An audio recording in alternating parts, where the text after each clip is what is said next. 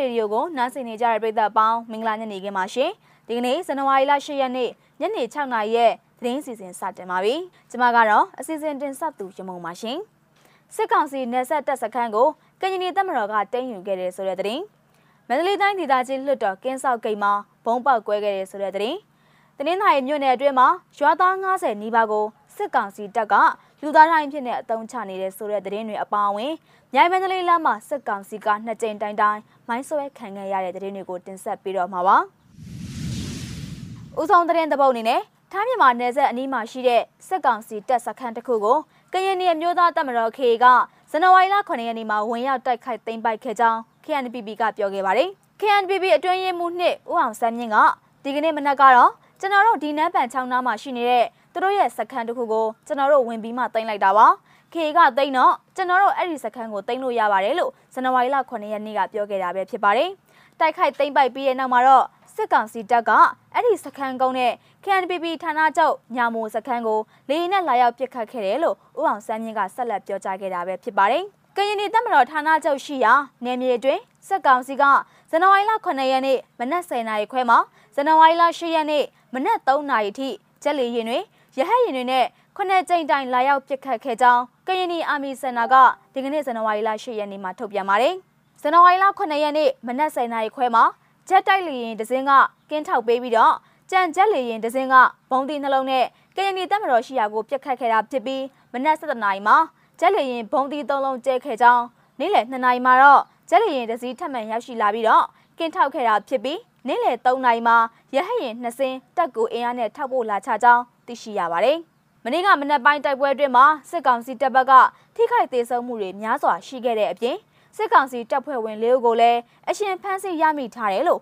KNPB ကထုတ်ပြန်ပါတယ်။ဇန်နဝါရီလ9ရက်နေ့မှာထိုင်းမြန်မာနယ်စပ်မှာရှိတဲ့စစ်ကောင်စီရဲ့တပ်စခန်းကုန်းကို KA ကဝေရောက်တိုက်ခိုက်ခဲ့တဲ့နီးတူရိုင်ကောင်မြို့မှာရှိတဲ့ စစ်ကောင်စီရဲ့စူပေါင်းရုံကိုလည်း KNDF ပူးပေါင်းတပ်ဖွဲ့တွေကဝင်ရောက်တိုက်ခိုက်ခဲ့တယ်လို့ဒေသခံတအုပ်ကပြောကြားခဲ့ပါတယ်။ဆက်လက်ပြီးတော့မန္တလေးတိုင်းဒေသကြီးလွှတ်တော်ကင်းဆောင်ဂိတ်မှာဘုံပေါက်ကွဲခဲ့တဲ့သတင်းကိုတင်ဆက်ပေးပါမယ်။မန္တလေးမြို့အောင်မြေသာဆန်မြို့နယ်မှာရှိတဲ့မန္တလေးတိုင်းလွှတ်တော်ကင်းဆောင်ဂိတ်ကိုဒီကနေ့မနက်ပိုင်းမှာဘုံတွေပေါက်ကွဲပြီးတော့အရာရှိတအုပ်အပါအဝင်စစ်သား3ဦးသေဆုံးနိုင်ကြောင်းဒေသခံတွေကပြောကြားခဲ့ပါတယ်။ဇန်နဝါရီလ10ရက်နေ့မနက်8:15မိနစ်အချိန်အောင်မြေသာဆန်မြို့နယ်မှာရှိတဲ့ တိုင်းလွှတ်တော်ရုံးအဆောက်ဂိတ်မှာဘုံပေါက်ကွဲခဲ့တာဖြစ်ကြောင်းပထမဘုံပေါက်ကွဲစဉ်စစ်တပ်ကလာရောက်စစ်ဆေးနေတော့မှာပဲဒုတိယကြိမ်ဘုံထပ်မံပေါက်ကွဲခဲ့တာဖြစ်ပြီးအရာရှိတအုပ်နဲ့စစ်သား2ဦးစုစုပေါင်း3ဦးဘုံထိမှန်ပြီးတော့တေဆုံးနိုင်ခြေရှိတယ်လို့မြေပြင်ကင်းထောက်ဖွဲ့ကပြောခဲ့ပါတယ်။သူတို့ဘက်က3ယောက်သေမဲ့အခြေအနေမှာရှိတယ်။ဒုတိယကြိမ်ပေါက်တဲ့ဘုံမှာထိတာပါ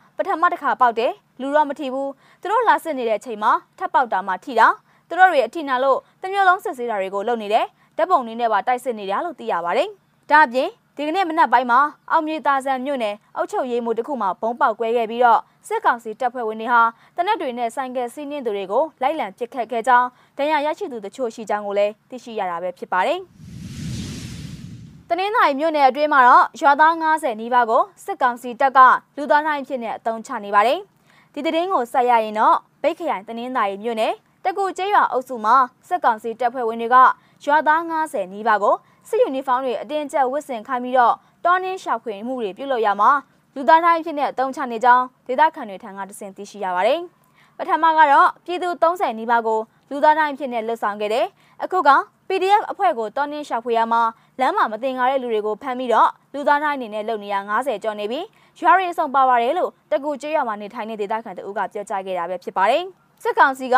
နေမြေစိုးမိုးရေးအတွက်ဥယျာဉ်ချန်ပိုင်ရှင်တွေဒေသခံတွေကိုဖမ်းဆီးပြီးတော့လူသားတိုင်းဖြစ်ပြုလုပ်ခဲ့တာဟာမရချောင်းတကူတန်တိုက်ဝမ်းနာအင်းရှိကုန်း၆အိမ်စုပြည်အေးရွာနဲ့တကူငယ်ရွာတွေကအပြစ်မဲ့ပြည်သူတွေဖြစ်ကြောင်းသိရှိရပါတယ်။ဒေသအတွင်း PDF အဖွဲ့ကိုဖမ်းဆီးဖို့အတွက်စစ်ကောင်စီအင်အားတရာကျော်ကနေမြေစိုးမိုးရေးအကြောင်းပြပြီးတော့လူသားတိုင်းဖြစ်နေအုံချနေတာပဲဖြစ်ပါတယ်။တနင်္သာရီမြို့နယ်တကူနဲ့တရပင်ကျွော်တို့မှာပြီးခဲ့တဲ့ဇန်နဝါရီလ2ရက်နေ့နဲ့3ရက်နေ့က